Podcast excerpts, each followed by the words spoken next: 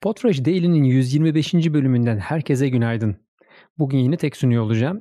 Dün ufak bir kaza geçirdik. Kaza derken ciddi bir kaza değil. Zencaster'la ilgili bir kaza. Bu ara niyeyse şansımız yaver gitmiyor Zencaster'la. Dün İlkan'la oturduğumuzda bir şekilde kaydımızı almadı.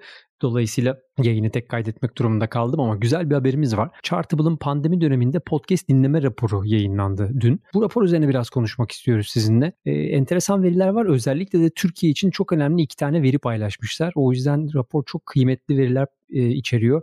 Biliyorsunuz geçmiş dönemlerde sık sık sizinle pandemi öncesi e, podcast dinleme alışkanlıkları ve pandemi sonrası dinleme alışkanlıklarına neler değiştiğini sık sık konuştuk. Bir takım raporlar paylaştık. Hatta Podiolab içerisinde de e, farklı mecraların, hosting firmaların kendi rakamlarıyla ilgili değerlendirmeler de yazmıştık. Hatırlarsınız.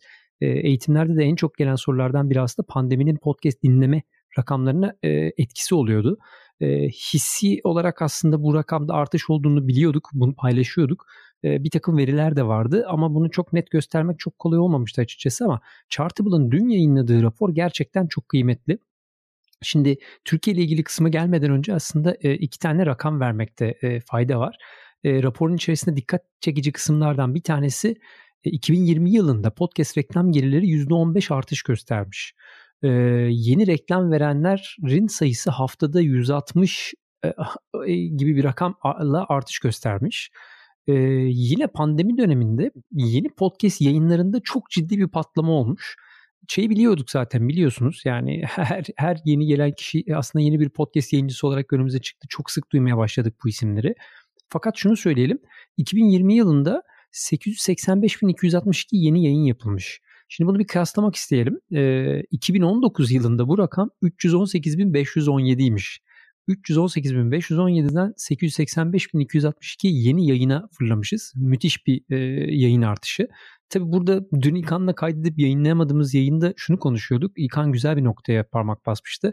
Hep merak ettiğimiz şey yayın sayısı artıyor ama dinleyici sayısı artıyor mu kısmıydı. Şimdi burada işler biraz enteresan hale geliyor. Çünkü bu bunu da ölçmüşler ve bu listede Türkiye çok önemli iki tane yer kapmış.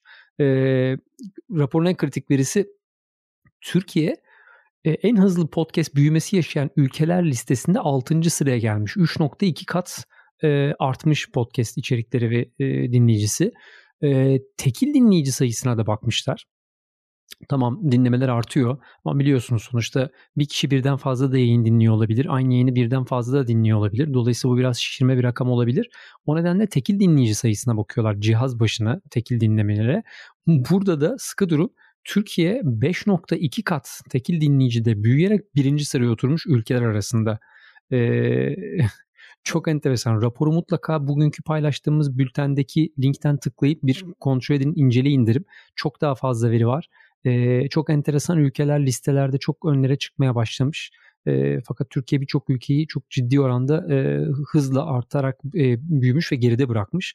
E, incelemenizi tavsiye ederim. Bugünlük aslında heyecan verici bilgileri sevgili İlkan'la ve Uraz'la tartışmak istiyorduk ama tek başıma aktarmak durumunda kaldım size. Umarım enteresan olur, umarım beğenirsiniz raporun içindeki verileri paylaşın. Eğer beğendiyseniz yayınımızı da lütfen paylaşın.